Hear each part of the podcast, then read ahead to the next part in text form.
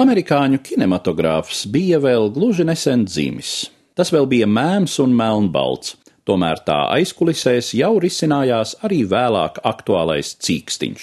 Studijas un producenti tiecās turēt kinozvaigznes īsākā finansiālā un radošā pavadā, kam ekrāna mākslinieki, protams, pretojās.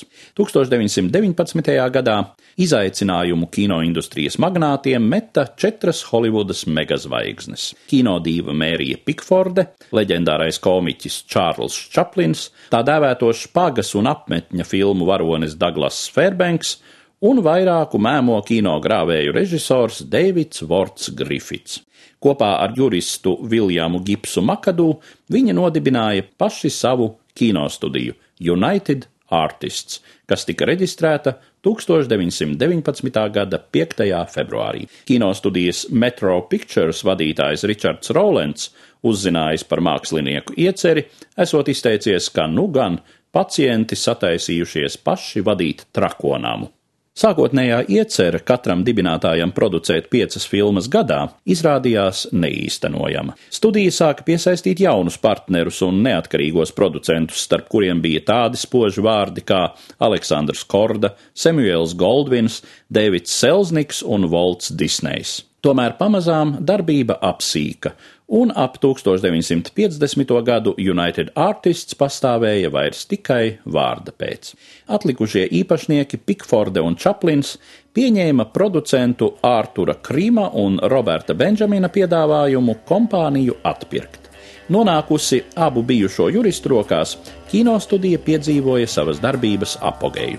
1961. gadā filma Vestsaidas stāsts, Leonarda Bernsteina mūzikla kinoversija nopelnīja veselus desmit Oskarus.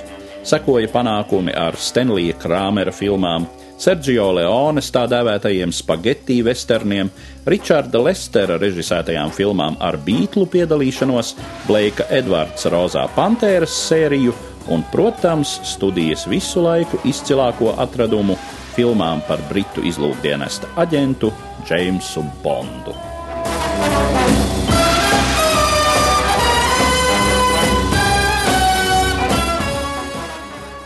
1967. gadā United Artists esot panākumu zenītā, Krims un Benjamins pārdeva studijas kontrolu paketi apdrošināšanas gigantam Transamerica.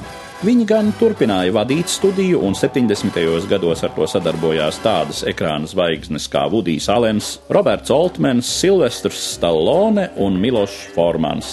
Tomēr nesaskaņas ar īpašniekiem lika abiem vadītājiem 1978. gadā no studijas aiziet.